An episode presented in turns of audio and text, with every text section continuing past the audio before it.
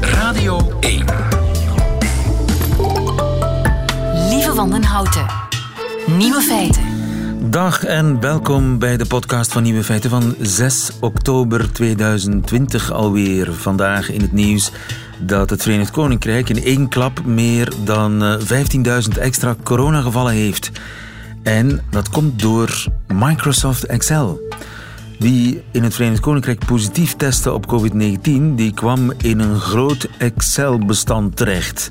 In theorie zou dat kunnen werken, want in Excel kan je meer dan een miljoen horizontale rijen bijmaken en is er dus genoeg plaats om alle positieve gevallen onderaan bij te vullen.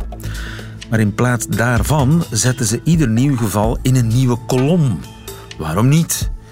In het land van linksrijden van acres en pounds. Simpel is niet noodzakelijk Brits. Probleem is alleen dat er op het aantal kolommen een limiet zit van 16.000. Gevolg 15.841 positieve tests werden niet meegeteld in de laatste week van september. Een derde van het totaal aantal gevallen die week. Tja, de andere nieuwe feiten vandaag. De voorzitters van de drie traditionele partijen willen dat er een limiet komt op de duur van regeringsonderhandelingen. Het UZ in Gent gaat drie coronavaccins uittesten. De Nobelprijs Fysica gaat naar de ontdekkers van zwarte gaten. En de christenvervolging door de Romeinen is grotendeels een mythe. De nieuwe feiten van Bas Birker hoort u in zijn middagjournaal. Veel plezier. Nieuwe feiten.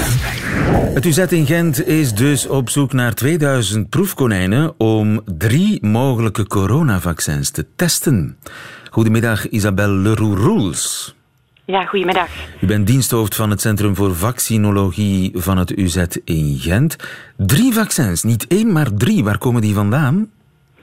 Uh, wel, het is inderdaad zo dat wij de voorbije weken vooral aangesproken zijn door meerdere bedrijven om, uh, om hun uh, kandidaatvaccin te gaan evalueren bij, bij deelnemers, bij proefpersonen um, in fase 3. En ja, die plotse toename van aanvragen heeft natuurlijk te maken met het feit dat het aantal corona-infecties in ons land in, in, in, stijgende lijn is. Um, en dat is ja, interessant, dat, want je hebt ja. genoeg penetratie nodig van het virus om, om het bij de brede bevolking te kunnen testen. Ja, klopt. Uh, dus elk nadeel inderdaad... heeft zijn voordeel in dit geval? In deze context inderdaad wel, ja. En dus dat zijn drie bedrijven. Welke bedrijven zijn dat? Zijn Belgische bedrijven, Britse bedrijven? Um, ja, ik, ik zou dit uh, graag willen meedelen, maar jammer genoeg kan het nog niet. Um, de, de, onderhandelingen zijn nog volop gaande, er is nog geen contract en, en dus ook nog geen goedkeuring om daarover te communiceren. Uh, in normale omstandigheden zouden we ook nog, nog niet in deze fase een oproep doen, maar uh, om, naar kandidaat-deelnemers, dat doen we normaal gezien maar pas als we echt kunnen communiceren over welk vaccin het gaat, welk bedrijf, als, de, als de goedkeuringen er allemaal zijn. Maar ehm, ja, gezien de, de, de urgentie trachten we tijd te winnen door al ja, nu te polsen bij de, bij de bevolking van wie zou interesse hebben om hier aan mee te werken. En, uh, en dan in een latere fase, uh, van zodra het allemaal concreet wordt, kunnen wij dan die kandidaten, die mensen die zich aangemeld hebben, meer concrete info bezorgen. Ja, want het gaat om een fase 3 onderzoek. Dat is dus eigenlijk de laatste stap naar een vaccin als fase 3. Uh, goed ja. is afgerond, ja, dan ligt de weg wagenwijd open voor de massale productie en verdeling. Klopt, ja, klopt. Dat is inderdaad de laatste, maar ook de hele, hele cruciale fase. Want inderdaad. dan moet eigenlijk ook de veiligheid ervan getest worden. Niet zozeer of het werkt, of niet alleen of het werkt, maar ook of het veilig is, of mensen geen bijwerkingen krijgen. Juist. Uh, veiligheid is in elke fase eigenlijk de, een van de, belang, of de belangrijkste doelstelling om dat in kaart te brengen van hoeveel mensen hebben bijwerkingen. Um, dus fase 1 en 2 uh, van die kandidaatvaccins uh, zijn nog, nog lopend, maar hebben toch al wel een toenemende bewijs um, bij een behoorlijk aantal mensen dat het, dat het veilige vaccins zijn, dat ze ook een reactie opwekken onder de vorm van antistoffen. Maar de belangrijkste vraag blijft natuurlijk van gaat het dan ook echt de mensen beschermen als zij met het virus in contact komen. En uh, ja, op die vraag moet een, moet een fase 3-studie het antwoord bieden. Uh, hoe beschermend zijn die vaccins nu? Ja. Uh, eh, 2000 mensen heb je nodig. -hmm. Wie komt er allemaal in aanmerking? Wat zijn de vereisten? Wel, veel mensen komen in aanmerking. En dat is ook een verschil met fase 1 en 2, waar er heel veel criteria zijn. wil men in fase 3 echt wel al een, een, ja, een, een, groep hebben die een beetje lijkt of een weerspiegeling is van de algemene bevolking. Dus wij zoeken volwassen mensen, personen vanaf 18 jaar. Er is geen maximumleeftijd. En we hopen eigenlijk ook echt dat er heel wat 65-plussers zich kandidaat stellen. Uh, omdat zij ja, een, een, belangrijke risicogroep vormen. En ook omdat het belangrijk is om te kijken of het vaccin ook bij die mensen uh, werkt. En zoek je die in alle provincies? Wel, het is zo dat, uh, dat dat geen formeel criterium is, maar uh, wij moeten dus gedurende de, de duur van het onderzoek mensen opvolgen. En van zodra zij ja, uh, verkoudheidsklachten krijgen of een, of een ander symptoom dat kan wijzen op een, op een infectie met het coronavirus, moeten wij afspreken met die kandidaat, met die deelnemer, om een wisser af te nemen. En ja, u begrijpt dat als we mensen van heel Vlaanderen hebben, dat het voor ons, en, en we moeten huisbezoeken gaan doen, omdat mensen niet in staat zijn om naar hier te komen, dat dat gewoon logistiek onhaalbaar is om, uh, om dat te doen. Dus, dus wij vragen eerst... een perimeter rond het UZ in Gent ja, van hoeveel klopt. kilometer? Wel, wij, wij, wij vragen rond tot ongeveer 25 kilometer uh, rond In een straal van, uh, van ja. rond het UZ in Gent wonen. Klopt. Um, ja. Ik neem aan dat je geen COVID-19 mag hebben doorgemaakt. Dat zou Juist. een beetje onnozel zijn om dan mee te doen ja. aan zo'n een, een vaccintest. Ja. ik zit maar te denken, zwangere vrouwen, komen die in aanmerking? Nee, nee inderdaad. Um, in deze fase van het uh, onderzoek uh, is niet de bedoeling om de, uh, de, veiligheid bij zwangeren te gaan onderzoeken. ik sluit niet uit dat dat in de toekomst kan, maar hier dus ehm, vrouwen die zwangerschapswens hebben of zwanger zijn of borstvoeding geven, komen niet in aanmerking. Ja, en mensen die ja, chronisch ziek zijn op de een of andere manier, maar, maar voor de rest perfect functioneren? Ja, mensen met chronische ziekten, zelfs al hebben ze daarvoor medicatie nodig, als dat goed onder controle is, uh, kan dat. Um, als dat ontregeld is, um, of uh, ja, mensen die uh, bijvoorbeeld een kankerbehandeling krijgen of een andere behandeling die het afweersysteem onderdrukt, dat kan niet. Ja. Ja. Dus dat moet nog uh, goed bekeken worden. Maar in principe iedereen ja. die gezond is, uh, binnen een straal van 25 kilometer rond het UZ in Gent woont en uh, tussen de 18 en de 100 jaar oud is, zeg ja. maar, die komt in aanmerking. Nu, ik neem aan dat jullie twee groepen zullen maken. Eén -huh. krijgt het, het kandidaatvaccin en de ander krijgt eigenlijk niets, placebo. Dat is juist, ja. Dat is ook eigen aan, aan fase 3-studies. Dat zijn uh, placebo-gecontroleerde studies uh, en dubbelblind. Dat wil zeggen dat nog de, uh, de gevaccineerde, nog de deelnemer, nog het studieteam weten wie wat krijgt. dus het is belangrijk dat, dat mensen dat goed beseffen en zich blijven beschermen. En, en niet denken van als ik deelneem aan die studie, dan ben ik bij de eerste die gevaccineerd wordt en dan hoef ik mij van die regels niets meer aan te trekken. dat is niet zo. dat is juist. Dat en, kan en een, een, een, domper zijn op het enthousiasme van ja veel kandidaten. Uh, is het heel bewerkelijk, lastig? Moet ik elke, elke week twee keer komen opdraven? Hoe zit dat? Um, het valt goed mee en dat is ook een verschil. Hè. Naarmate men verder vordert, worden de, ja, de aantal bezoeken minder. Dus een zestal keer uh, gemiddeld zo per studie uh, over de loop van een jaar. Ja. En wanneer ja. begint het? Uh, wij hopen met de eerste studie te kunnen starten de tweede helft van november. Tweede helft november. En ja. wanneer uh, dat vaccin, of die drie vaccins, wanneer, stel dat alles vlot verloopt, wanneer komen die op de markt? Wel, de studies zijn uh, voorzien om één jaar te duren. Uh, maar men gaat tussentijds al analyses gaan doen om te kijken hoeveel COVID-infecties zien we in die studiegroep. En zien we een verschil? Zien we veel minder infecties in de vaccingroep in vergelijking met de groep die het nepvaccin gekregen heeft. En het zou kunnen zijn dat men dat effect bijvoorbeeld al na drie maanden of zes maanden ziet. Dus het zal daarvan afhankelijk zijn hoe snel het vaccin op de markt komt. Uh, dus in het beste scenario denk ik dat je al na, na een drietal maanden misschien zal, zal zien dat het werkzaam is. Uh, in het minst gunstige scenario moet men misschien negen tot twaalf maanden wachten. Uh, maar de bedrijven zijn, ja, hebben wel veel vertrouwen in, in hun vaccins en, en wij ergens ook wel. De, de reacties van de voorgaande studies zijn goed. dus wij hopen het tweede kwartaal, dus vanaf april, mei 2021. Dat zou mooi zijn. Dat zou heel mooi zijn. Tegen, ja. tegen de zomer van, tegen volgende zomer dan een vaccin. Ja. Zou dat het eerste zijn? Uh, nee, er zijn bedrijven die, die al verder staan, uh, van wie de fase 3-studie al loopt. Uh, Juist, en die is dan even onderbroken geweest zelfs, omdat er plotseling ja. toch bijwerkingen werden gesignaleerd. Ja, AstraZeneca inderdaad, die studie is eventjes on hold geplaatst. Het gaat niet om, om dat vaccin, voor nee, alle duidelijkheid. Nee, dat, zit, dat is niet één van de drie. Nee, inderdaad. Die studie loopt echt en daar zijn alle uh, landen en, en, centra geselecteerd. Uh. Ja, maar zo blijkt maar weer dat ook in fase 3 dingen nog kunnen misgaan en dat het mm -hmm. niet helemaal 100% zonder gevaar is. Nee, dat moet men inderdaad onderzoeken. En weet je, op zo'n populatie van, van 30.000 mensen die een jaar opvolgt, verwacht je dat mensen bijwerkingen gaan, of mensen gaan um, fenomenen vertonen. Er gaan nieuwe diagnoses van ziektes gesteld worden. Uh, het belangrijke is dan om te gaan kijken van, ja, zien we, zien we daar een signaal, zien we beduidend meer van die gevallen van een bepaalde diagnose in de vaccingroep uh, of niet? Want je gaat ook in de placebo-groep mensen hebben die uh, ja, plotseling een, een, bepaald fenomeen vertonen. Dus vandaar ook het belang van die placebo-groep om mee te vergelijken. en ja, het is nu eenmaal zo dat, dat de gezondheid, ja, dat dat varieert. maar belangrijk is om zo'n geval dan eventjes de tijd te nemen om dat geval goed te bestuderen, te kijken van kan er een link zijn met het vaccin of niet.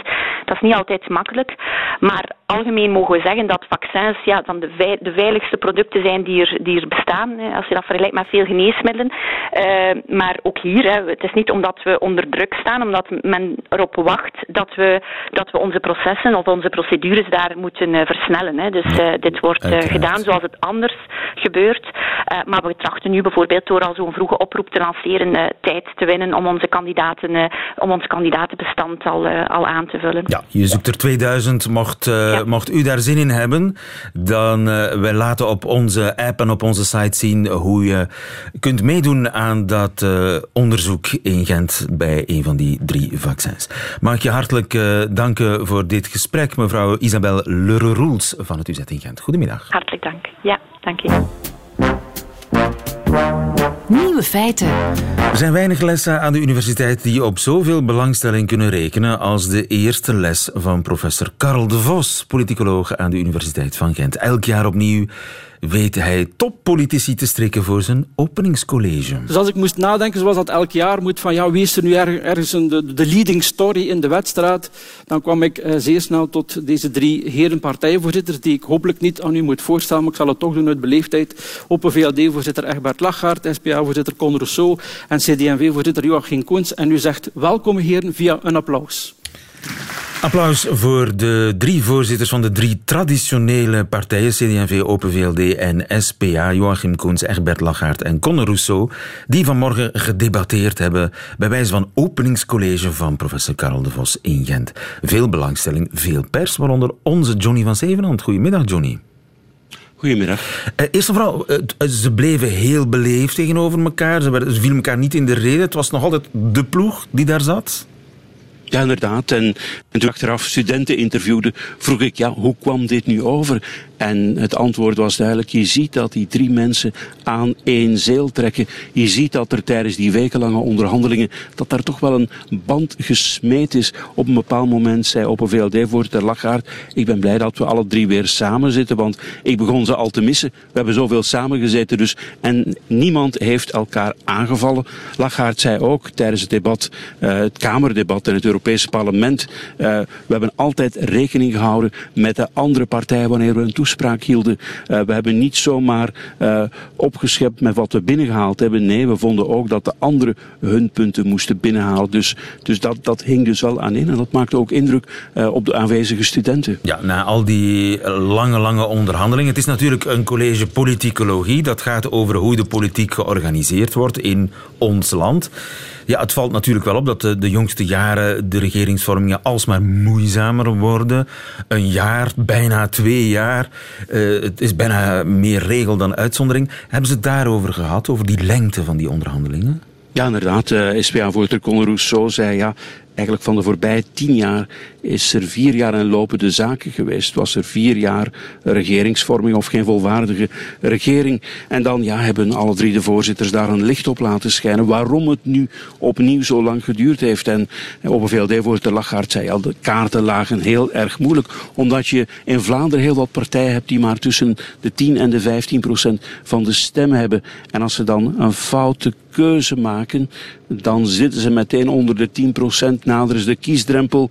En, en ze waren dus allemaal zo bang van, van vernietigd te worden. Dus durfden ze hun nek niet uitsteken. En SPA-voorzitter Rousseau, ja, die, die zei ja, dat, dat, dat klopt helemaal, die versnippering. Maar wat ik altijd voelde was de angst voor verkiezingen. Stel dat die, dat die poging om een regering te, vorming, te vormen totaal mislukt als er dan verkiezingen zijn, hoe gaan we het uitleggen? Dus als, ze dan, ja, uh, als er een voorstel op tafel ligt, ja, zeiden ze meteen ook heel stoer, we gaan dat en dat niet aanvaarden. Dat maakt het dus telkens alsmaar moeilijk. En hij zei ook, ja, de transparantie die er geweest is, de lekken die er geweest zijn, de dagelijke ra uh, rapportering op, op websites en dergelijke meer, dat heeft het ook wel moeilijk gemaakt. En Joachim Koens zei ook, ja, het heeft ook te maken met de organisatie van ons land. We hadden samenvallende verkiezingen. Eerst is de Vlaamse regering gevormd. Uh, dat was dan maar gedaan eigenlijk in de maand september. Pas dan zijn we echt kunnen beginnen. Er is ook tijd verloren aan het feit dat er uh, nieuwe voorzitters moesten gekozen worden. Dus dat zijn ook nog, nog een aantal andere redenen. Ja, en hebben ze, is er ook eensgezindheid over uh, een manier waarop we die ellenlange regeringsonderhandelingen in de toekomst kunnen vermijden? Maar iets wat ze alle drie zegden was, je zou eigenlijk al na zes maanden mislukkende regeringsvorming, je zou na zes maanden nieuwe verkiezingen moeten hebben. Wie zich dan onhebbelijk gedragen heeft, ja, die zal daar dan wel de prijs voor betalen, zei, zei Conor Rousseau. Dus, en dat was iets wat, wat heel de tijd terugkomt. Je kunt natuurlijk ook wel ja, veranderingen in het systeem uitwerken. Um, je kunt er bijvoorbeeld voor zorgen dat er minder parlementsleden zijn, zei Conor Rousseau. Want in Nederland heb je 13 parlementsleden op 1 miljoen mensen. Bij ons 42. Dus je zou dus wel ja, een beter werkende democratie hebben met, met minder. Uh, iets wat Joachim Koen zei van CD&V. Ja, die, die, die kieskringen zoals die nu zijn. Ja, misschien uh, regionale uh, of arrondissementele kieskringen dat zou beter zijn dan die, dan die provinciale bijvoorbeeld. Dat, dat, zou, dat zou zeker helpen. Maar dus het was toch vooral die, die zes maanden dat naar voren kwam. Je hoorde ook Conde Rousseau, maar ook Egbert Lachaert zeggen... je zou misschien ook kunnen kijken naar de betaling van de politici. Als er na een bepaalde periode nog geen regering is... in de, in de vergoeding van de, van de parlementsleden zoveel procent eraf. Dus uh, je zou kunnen een systeem uitwerken, dat zei de Joachim Koens en, en Lachaert, dat het uh, de, de meerderheid in de gewesten is die dan in de federale regering zou komen. En dat de Vlamingen dan zouden bepalen hoe dat hun, hun meerderheid eruit zag. En dan moeten de Franstaligen en de Brusselaars, die moeten dat dan ook maar doen. En uh, in, in bepaalde landen bestaat dat ook. En bijvoorbeeld in, in Brussel zie je dat ook. De Brusselse regering, de Vlamingen vormen een meerderheid en de Franstaligen vormen een meerderheid. Dat zou ook een oplossing zijn. Maar goed, dit soort oplossingen heb je een grondwetsherziening voor nodig. Dat kan ten vroegste in 2024. Dat is natuurlijk allemaal toekomstmuziek. Toekomstmuziek, maar voorlopig pijs en vreed tussen de, de partijvoorzitters van de drie traditionele partijen, die alle drie ook in uh, deze nieuwe Vivaldi-regering zitten. Uh, partijen die misschien wel als dusdanig zoals ze nu bestaan gaan verdwijnen of zichzelf gaan reorganiseren. Ja, dat, dat is iets wat, wat de drie voorzitters zeggen. We hebben hier drie kersverse voorzitters en die willen alle drie hun partij reorganiseren. Die weten ook dat het niet goed gaat met hun partij. Ze hebben vele procenten verloren. Ze hebben de laagste score ooit gehaald in hun bestaan. Dus dat moet verbeterd worden. En dan zie je allerlei ideeën, wat je altijd wel ziet terugkomen. En Egbert Lachaert zei dat heel duidelijk. Je moet dus terugkeren naar het DNA van je partij. Je moet dus veel duidelijker zijn met je standpunten. Maar uh, dan gaf SPA-voorzitter Conor Rousseau toe dat het ook wel gevaren inhoudt. Want uh, als je dus duidelijker bent, dan schuur je misschien tegen de regering aan. Want je wil dan misschien wat straffere dingen zeggen dan wat de regering uh, wil doen. En hij zegt, ja, we moeten eigenlijk twee dingen doen. Er moet goed geregeerd worden, maar we moeten ook ja, uh, heel duidelijk zijn in onze standpunten. En we moeten vooral ook kijken waar we in de toekomst naartoe gaan. En, en iedereen schoof er naar voren wat zijn dat zijn. En voor Joachim Koens van CD&V, voor hem is die vernieuwing vooral uh, verbondenheid, nabijheid. Hij had het ook over de leeglopende dorpen, zorgen dat er ook weer een postkantoor is, een, een, een bakker, een slager enzovoort. Dus dat de mensen zich toch weer, weer thuis voelen waar ze zijn. Dus verbondenheid, ze hebben allemaal hun ideeën. En dan hoor ik dan bij Conor Rousseau die een beweging wil maken van zijn partij. Hij zegt ja, uh, je hoeft geen lid te zijn bij, bij ons om, om, om inderdaad een inbreng te hebben. Je moet natuurlijk wel, wel, wel de grote lijnen volgen van wat uh, sociaaldemocraten willen, maar je moet dus geen partijlid zijn. En ik hoorde ook iets gelijkaardigs bij Joachim Koen. Hij wil ook luisteren naar de geregistreerde kiezer. Dus heel veel ideeën. Rousseau had het over een, over een congres, Go Left, extra large. En het zou dus niet alleen over politiek gaan, maar het zou ook gaan over kunst, over muziek enzovoort. Dus ja, de maatschappij hertekenen, dat willen partijen heel erg graag. En misschien zelfs het partijlandschap hertekenen. Wie weet, eh, er is heel veel mogelijk, uh, zo te horen. Uh, hoe kijken zij naar de nieuwe regering? Gaan zij de schoonmoeder uithangen? Want als, als, je, als ik hoor je zeggen, ze gaan zichzelf scherper formuleren. Ja, dat kan botsen met zo'n regering natuurlijk. Dat is inderdaad uh, een probleem. Als ze zeggen, ja, de schoonmoeder zullen we niet uithangen. Dat is ook niet populair om dat te zeggen als ze dat zouden doen. Maar ze zeggen, ja, wij schieten nu, wij drieën schieten nu zo goed op. Wij drieën gaan af en toe nog wel eens overleggen. We gaan wel ons best doen om de plooien glad te strijken. En dan hoor je bijvoorbeeld Conor Rousseau ook op een bepaald moment zeggen, ja, uh, wij, zijn, wij zijn de positieve partijen. Er zijn ook destructieve partijen. En hij zegt, ja, die, die tegenstellingen links, rechts, conservatief, progressief, daar gaat het niet meer om. Iedereen moet natuurlijk zijn deel krijgen, maar het gaat nu om, ja, zij die iets positiefs willen opbouwen. En, en daar willen ze het accent op leggen. En de regering willen ze wel de regering laten wat die is. En zij willen vooral met hun partijvernieuwing bezig zijn. Kijken hoe de maatschappij er moet uitzien over, over tien jaar bijvoorbeeld. Johnny van Zevenand eh, van op de schoolbanken. Johnny van Zevenand vanuit uh, Gent, vanuit uh, de, de universiteit. Het openingscollege van professor Karel de Vos. Dankjewel Johnny, veel bijgeleerd. Graag gedaan. Nieuwe feiten. Deze week worden de Nobelprijzen uitgereikt en vandaag was het rijkhalsend uitkijken naar die voor fysica. Kungliga Vetenskapsakademien har beslutat att utdela 2020 års Nobelpris i fysik med ena hälften till Roger Penrose för upptäckten att bildandet av svarta hål är en robust förutsägelse av den allmänna relativitetsteorin och med andra hälften gemensamt till Reinhard Genzel och Andrea Ghez för upptäckten av ett supermassivt kompakt objekt i Vintergatans centrum. Jeetje, uh, in het Zweeds is het nog exotisch natuurlijk. Een zwart hol, het zwarte gat, uh, dat heb ik in elk geval gehoord.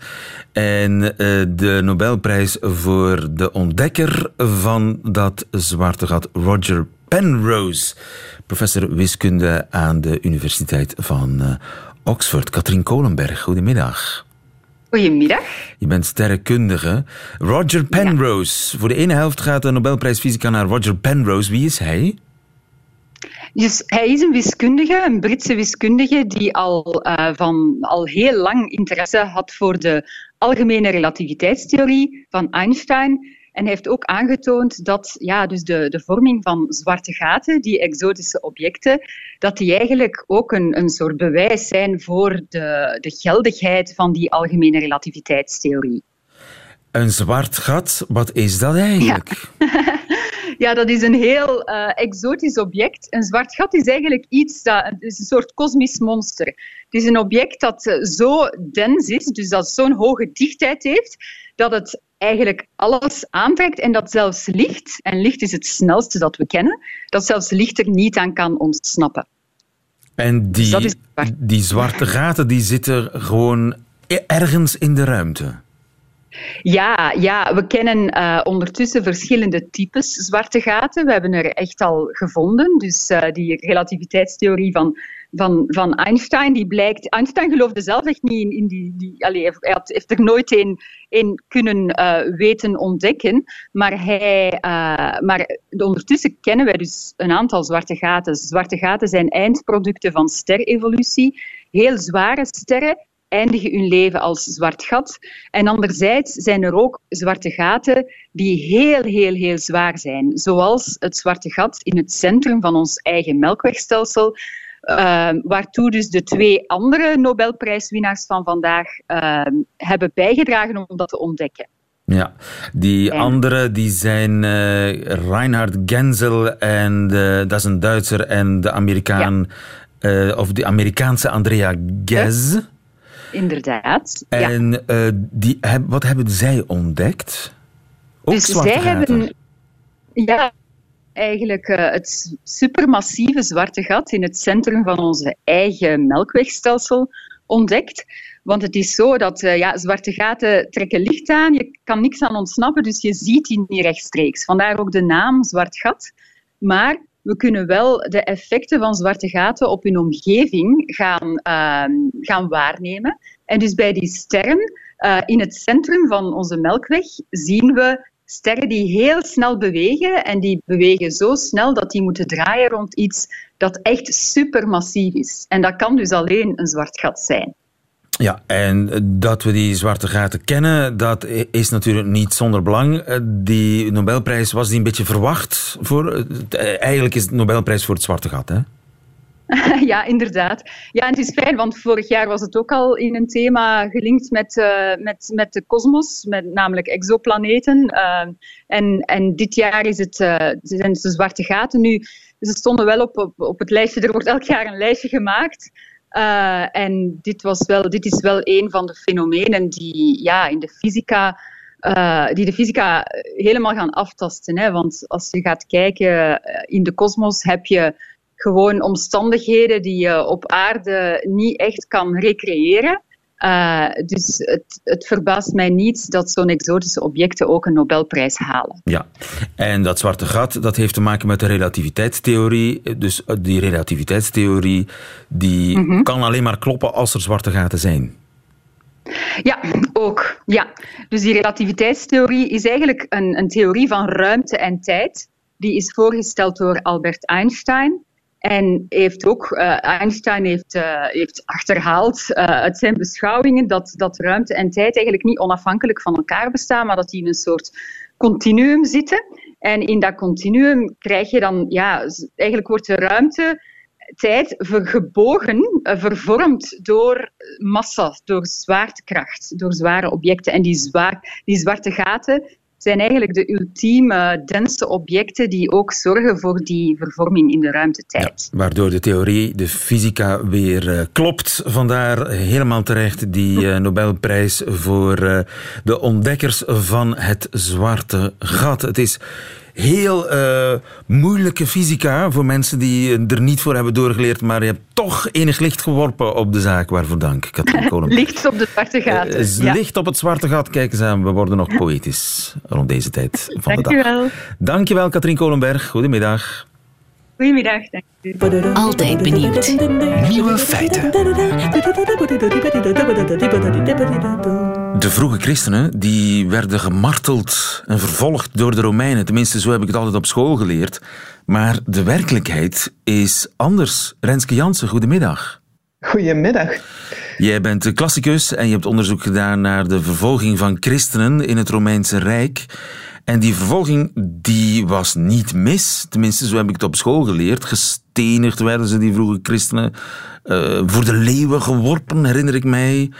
Uh, zo, zo zijn de eerste heiligen ontstaan, hè? want die werden martelaar en vervolgens heiligen omdat ze voor hun geloof gestorven waren. Klopt dat dan niet? Nou, dat is inderdaad het bekende beeld. En dat beeld komt ook wel ergens vandaan. Uh, de positie van christenen in het Romeinse Rijk was inderdaad niet altijd even makkelijk. Dus om nou te zeggen dat is helemaal niet gebeurd, zover wil ik niet gaan. Maar het beeld dat heel veel mensen hebben van een ja, langdurige systematische vervolging, dat klopt volgens mij niet. Nee. En jij hebt bronnen ontdekt, want ja, hoeveel bronnen zijn er nog over? Het is tenslotte eh, bijna 2000 jaar geleden. Nou, er zijn behoorlijk wat bronnen. Eh, niet alleen vanuit een christelijk perspectief, waar verhalen over martelaren al heel snel populair worden en ook voor een soort groepsbinding gaan zorgen. Dat zijn eigenlijk de, de verhalen die een soort bijgevoel creëren bij vroege christenen. Maar er zijn ook nog Romeinse bronnen uh, uit die periode. En die heb ik inderdaad onderzocht. De meeste daarvan zijn al langer bekend. Maar wat ik heb gedaan is ik heb gekeken naar de juridische processen die daar een rol bij spelen. En ik heb christenen vergeleken met andere religieuze groepen die in dezelfde periode actief waren. Om zo te onderzoeken of de manier waarop de Romeinse overheid met die christenen omging nou echt zo bijzonder was als heel veel mensen aannemen. En andere religieuze groeperingen, over welke groeperingen hebben we het dan? Ik heb dan met name gekeken naar waarzeggers, waar we opvallend veel uh, ook juridische teksten en uh, procesbeschrijvingen over hebben. En ook over Joodse gemeenschappen in het Romeinse Rijk. En die werden net als christenen scheef bekeken, die waarzeggers en die Joden?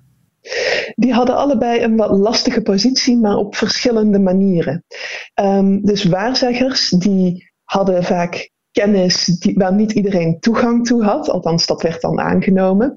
Dus die konden voorspellingen doen over de toekomst of andere geheime informatie opdiepen door hun connectie met de goden. En daardoor konden ze een risico voor de openbare orde zijn. Wat we bij Joodse gemeenschappen zien, is dat ze eigenlijk net als christenen niet helemaal in het traditionele Romeinse plaatje pasten. Uh, omdat ze maar één God vereerden en dat was niet een van de traditionele Romeinse goden. En het gevoel dat in de antieke wereld daarbij heerste, is dat uh, de goden mensen hielpen om eigenlijk te zorgen dat alles goed ging in de wereld. Dus je moest de goden op een correcte manier vereren om te zorgen dat je ook steun van de goden kreeg. En op het moment dat iemand daarvan afweek, dan werd dat dus als een potentieel risico gezien. Dat kon gevaarlijk zijn voor het individu, maar ook voor, uh, voor de staat, of misschien zelfs voor het hele Romeinse en Rijk. Stonden daar dan straffen op? Nou, niet zonder meer, nee. Wat we zien is dat heel veel van de uh, interacties met die religieuze groeperingen, dus ook met de christenen, dat die beginnen bij de gewone bevolking van het Romeinse Rijk. Dus gewone mensen die in Rome wonen of in een van de andere steden in het Middellandse Zeegebied, die voelen zich ongemakkelijk bij zo'n afwijkende groepering.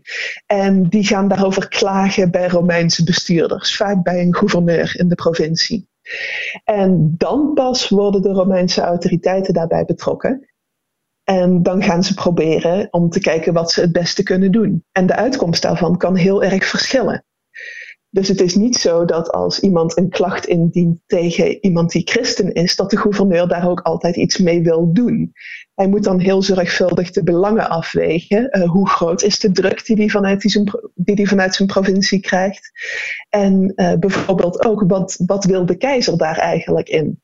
Keizers worden er vaak nog in een later stadium pas bij betrokken. En vaak omdat gouverneurs niet goed weten wat ze nou moeten doen. Ja als we bijvoorbeeld kijken naar een van de belangrijkste teksten die we daarover hebben, dat is een correspondentie tussen Plinius de Jongere, die op dat moment gouverneur is in wat nu het noorden van Turkije is. En hij schrijft een brief aan keizer Trajanus. En daar zien we in terug dat hij inderdaad vond dat hij wel maatregelen tegen christenen moest nemen. Nou, hij, hij, deed zijn best om dat zo zorgvuldig mogelijk te doen, maar voor christenen zal dat een heel angstige periode geweest zijn. Ja, maar over het algemeen kun je stellen dat die, die vervolging en dat voor de leeuwen gooien en stenigen, dat is eigenlijk een mythe, een gecreëerde mythe. Ja, zeker in de omvang waarin mensen aannemen dat dat bestaan heeft. Dat is echt, um, de omvang van, uh, van die episode is, is veel kleiner, veel tijdelijker en veel lokaler. Um, en ik gebruik daarom eigenlijk liever de term vervolging ook niet. Want de term vervolging impliceert dat er systematisch door de Romeinse overheid actie wordt ondernomen. En dat is gewoon niet het geval. Renske Jansen, dankjewel. Goedemiddag. Nieuwe feiten. Radio 1. Een gevoel van opluchting en vrolijkheid overmand ons toch, want alle nieuwe feiten zijn uh, uitgeklaard in uh, deze nieuwe feiten van 6 oktober 2020. Alleen natuurlijk die in het leven van de Nederbelg die ons middagjournaal bijhoudt nog niet. Dat is Bas Birker. Nieuwe feiten. Liefste landgenoten. Tijdens mijn dagelijkse drieparkentour in Merksem City kwam ik een rouwende vrouw op leeftijd tegen. Dat ik de dame tegenkwam is niet geheel toevallig. Ik stak namelijk de Breda baan over pikte een stukje nieuw dreef mee, sloeg rechtsaf naar het Runkvoortpark, wandelde langs het IJsselon het Grote Park in om na een omweg via Boekenborgpark terug te keren naar huis. 10.000 stappen rijker, een hoop illusies armer. Precies halverwege mijn wandeling ligt een kerkhof met oude graven, rechte paden, enkele dubieus geplaatste vuilnisbakken en een bedevaartsoortje ter nagedachtenis van Hermanneke Wijns. Herman was niet alleen een neefje van Weilig Gaston Bergmans, maar ook een diep religieus jong gestorven kereltje aan wie volgens de overlevering meerdere wonderen moeten worden toegeschreven. Of het feit dat Georges-Louis Boucher nog altijd de voorzitter van MR is, ook een mirakel van de hand van Herman Wijns is, dat weet ik niet. Hoe dan ook is zijn zaligverklaring in behandeling bij de paus. Vlakbij Hermans graf zag ik de dame met rollator een bosje bloemen in een plastic vaasje bij een graf zetten. Blijkbaar keek ik te lang, want de dame vond het nodig haar daad te verklaren. Dat is voor ons moemoe, zei een zuinig mondje van onder het regenkapje dat haar blauw-grijze bolletje vers gekapt beschermde. Ik zet dat in een vaasje, want anders zijn die morgen slecht. Ik knikte naar de vrouw, wees naar de donkere wolken boven ons en verzekerde haar dat de bloemen zeker genoeg water gingen hebben. Zonder het te weten stelde de vrouw een grote paradox in ons rouwproces aan de kaak. Bloemen zijn een rare keus als het gaat om kist- en zerkversiering. Als er nu iets is dat sneller vergaat dan twijfels over wie de masked singer is, dan is het wel de bloem. Alsof je tegen de overledene zegt: hey, oom Theo, jij bent nu dood hè? Weet je wat ook snel vergaat? Deze bloemen. We zullen je snel vergeten. Als we willen uitstralen dat iemand toch nog voor altijd bij ons is, waarom dan bloemen? Waarom geen petfles? Beste Theo, jij bent nu dood. Hier is een plastic colaflesje, blijft honderden jaren in het milieu. Net als de sigarettenpeuken in de urn van Tante Maria. Morgen ga ik weer naar het park. Maar dan om een beetje verrijkt uranium te leggen bij het graf van de moemoe van moemoe. Want bloemen zijn voor even, maar kernafval is voor altijd. Oh ja, en kunstbloemen ook, maar waarom mensen die in een vaasje zetten, is mij helemaal een raadsel.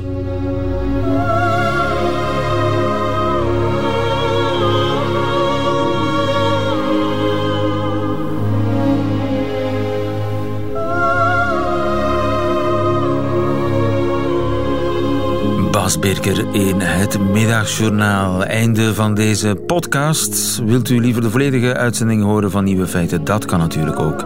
Live elke middag van 12 tot 1 op Radio 1, uh, maandag tot vrijdag. Of in uitgesteld relais via onze app of via onze site, waar u overigens nog veel meer fijne podcasts van Radio 1 vindt. Tot een volgende keer.